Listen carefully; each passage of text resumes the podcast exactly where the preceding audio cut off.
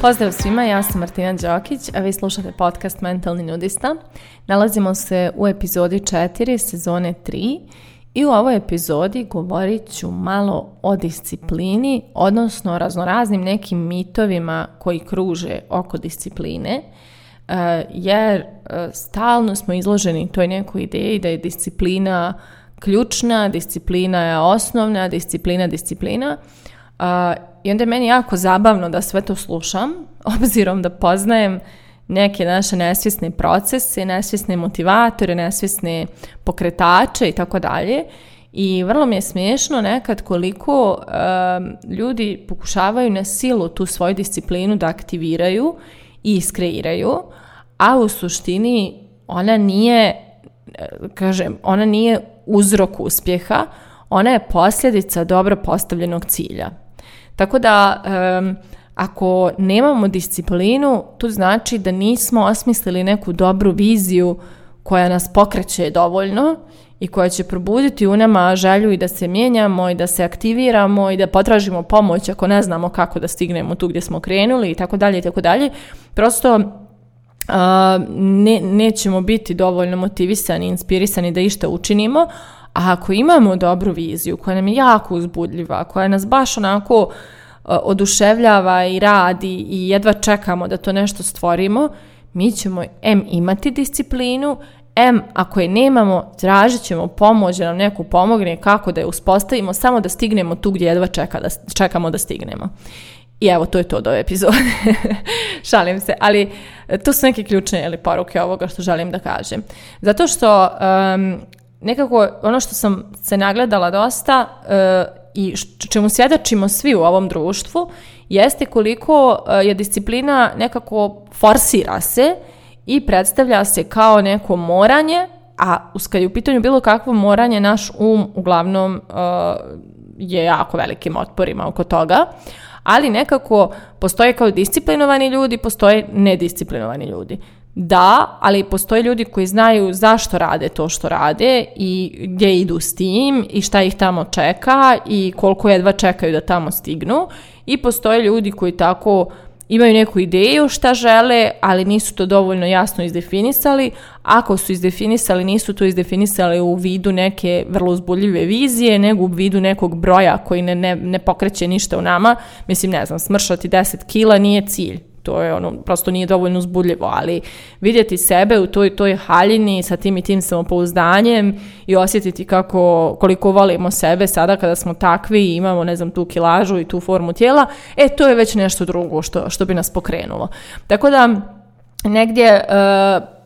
svi mi u sebi kako imamo disciplinu i svi smo mi nekad bili vrlo disciplinovani, možda toga nismo svjesni, ali postojale su stvari u životu koje su nas jako pokretale i koje su budile u nama to da se jako aktiviramo i da se baš potrudimo i da baš stignemo ili postignemo to nešto što smo, što smo zamislili. E to su bili trenuci kada smo bili u kontaktu sa nekom istinitom vizijom, sebi istinitom i kada nam je ta vizija bila prilično jasna i onda je bilo jednostavno da se naši potencijali probude i da prosto želimo da sprovodimo neke akcije da bismo tu viziju ostvarili. Nekad su to bile možda neke sitnije stvari, nekad nas je pokretala ljubav prema nekoj osobi pa smo zbog nje nešto htjeli da postignemo, nekad nas je pokretala neka ideja da nešto uh, ostvarimo, prođemo neko iskustvo, stignemo negdje, šta god, ali imali smo svi te situacije u životu kada smo bili disciplinovani. I onda je jako nezgodno vjerovati da postoje ljudi koji su striktno disciplinovani i ljudi koji su nedisciplinovani. Znači disciplina je dio naših skillova, naših, naših kapaciteta, svi mi je imamo. Ne bismo nigdje stigli da je nemamo. Znači ne bismo ništa u životu postigli, ništa uradili, ništa zaokružili, nigdje došli da nemamo neku disciplinu. Bili bismo debelo nefunkcionalna osoba koju drugi moraju i da hrane i da oblače i da ne znam šta god rade s njom. Znači, ali osnova je svi mi imamo neku disciplinu.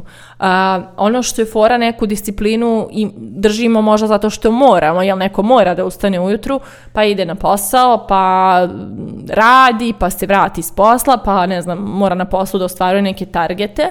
Ok, neko nas je natjerao na tu disciplinu, ali postoje i neke discipline koje sami njegujemo iz neke istinske želje da u tom nekom smjeru porastemo ili to nešto postignemo. Tako da e, ono što je zajeb u cijeloj priči, što neki ljudi nose u sebi ideju sebe da nisu disciplinovana osoba i pošto nose to uvjerenje, njihov fokus to stalno dokazuje. I onda zaboravljaju da primijete i ne uspijevaju da primijete trenutke kada imaju neku disciplinu, a to se često dešava da, da im je prosto ta, to polje gdje iskazuju disciplinu tako lako i prirodno i jednostavno da preduzimaju akcije na tom polju, da uopšte ne kontaju jer ne osjećaju neki napor, pa ne kontaju da, da to jeste disciplina iako se ne patiš. E, znači, to je sad čitava jedna mraža haosa koja je nastala,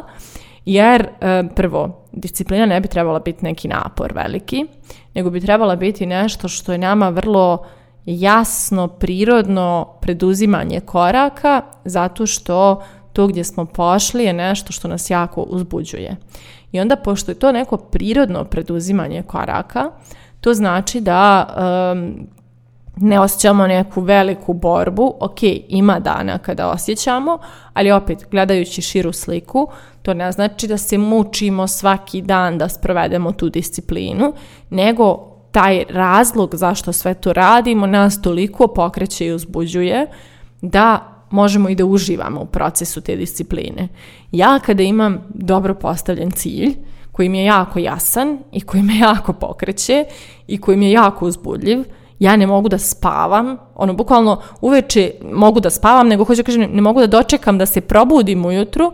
e, da počnem da radim na tome. I znači, ja kada sam u tom ono, e, gasu, ja uveče ležem, jedva čekajući da ujutru ustanem, zato što hoću da nastavim da radim na tom nečemu čemu se toliko radujem. I tada sam jako disciplinovana kada nemam tu vrstu vizije i tu vrstu jasnoće, ideje kako ju idem, ja sam jedan od najvećih prokrastinatora koje ste ikad sreli. Znači ja ću jednu stvar, jedan koračić, jedan mail da odlažem 500 dana zato što nemam u sebi tu jasnoću, tu, tu pokretačku energiju i samim tim sam vrlo nedisciplinovana u tim trenucima. I e, ja lično sam radila mnogo na promjeni te svoje ideje sebe same, da predstavim sebe da gledam kao nedisciplinovanu osobu i počnem da primjećujem tu gdje sve ja imam disciplinu zaista i da spoznam zašto imam u tim poljima u kojima imam i tu kada sam počela da prikupljam prve dokaze da u meni postoji neka disciplina i da otkrivam šta je u meni budi, onda sam mogla to da primjenim, da je izazovem i onda kada želim da je izazovem. E sad, postoje isto trenuci kada, na primjer, ja lično nisam mogla tako lako da izazovem tu disciplinu, pa bih onda tražila pomoć. Na primjer, e, moja disciplina da ujutru ustanim, idem na trening će zavisiti povremeno od toga da li sam se naspavala, da li je, da li je oblačno jutro i tako dalje, ali onda kada sam počela da idem na individualne treninge, ta disciplina više nije bila prepuštena samo meni, nego je e, prosto, jeli, ja znam da, da, da ću se pojavim zato što sam to platila i zato što sam nekome bukirala termin, tako da, ovaj, da kažem, sebe sam hakovala na neki način da nastavim da idem ka tom cilju, da imam disciplinu, a da i onda kada je dovodim u pitanje postoji razlog da se ona ipak desi. Tako da imam neku vrstu podrške ka tome. Zato recimo postoji recimo dosta mojih klijenata koji znaju mnogo, mnogo tih stvari, išli su kod mene na edukacije i tako dalje, ali im nekad treba podrška i, i da kažem da ih neko sprovede kroz proces i bude im tu neko koji im drži prostor i, i s kim se oni, da kažem, dogovaraju o koracima kako bi postigli to što žele, jer ta, samim tim, znači, znaju da žele promjenu, možda i znaju kako da je postignu, ali treba im neki partner u tome koji će im pomoći da ostanu disciplinovani na tom putu. I to je sasvim ok uraditi za sebe, znači potražiti pomoć da svoju disciplinu zadržimo. Ono što po meni nije ok, a što se jako puno proklamuje je bičovati sebe, maltretirati sebe da budemo disciplinovani, uh,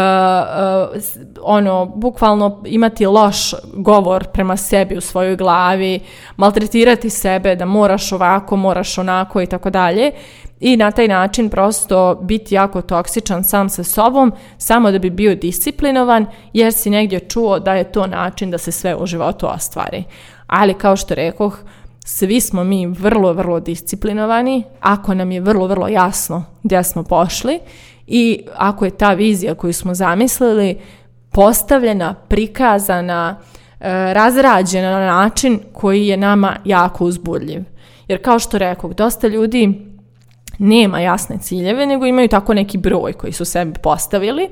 a onda taj broj ne budi potencijale i samim tim ne budi disciplinu. Kada se cilj postavi na jedan vrlo konkretan, uzbudljiv, detaljan, jasan način, ima tu sad gomilo nekih kriterijuma kako se to radi, tada disciplina postaje prirodna odnosno budi se, aktivira se i mi se budimo i aktiviramo i želimo da stignemo tu gdje smo zamislili jer nam je to jako uzbudljivo. I onda možemo samo da posmatramo sebe kako odjednom radimo sve što nam se činilo da nikad nećemo jer smo jako motivisani, inspirisani i samim tim disciplinovani. Tako da ono što je moj zaključak je da disciplina nije nije uh, uzrok postizanja ciljeva, postizanja željenog rezultata, ona je doslovno posljedica vrhunski postavljenog cilja koji sam po sebi aktivira disciplinu nama i pokreće nas da stižemo ka tome. Tako da moje pitanje za kraj ove epizode je da li imate zdravu disciplinu, da li znate da je probudite kroz svoje ciljeve ili ipak tjerate sebe i bičujete se ne bili probudili tu disciplinu. Mislite o tome, a mi se družimo u narednoj epizodi.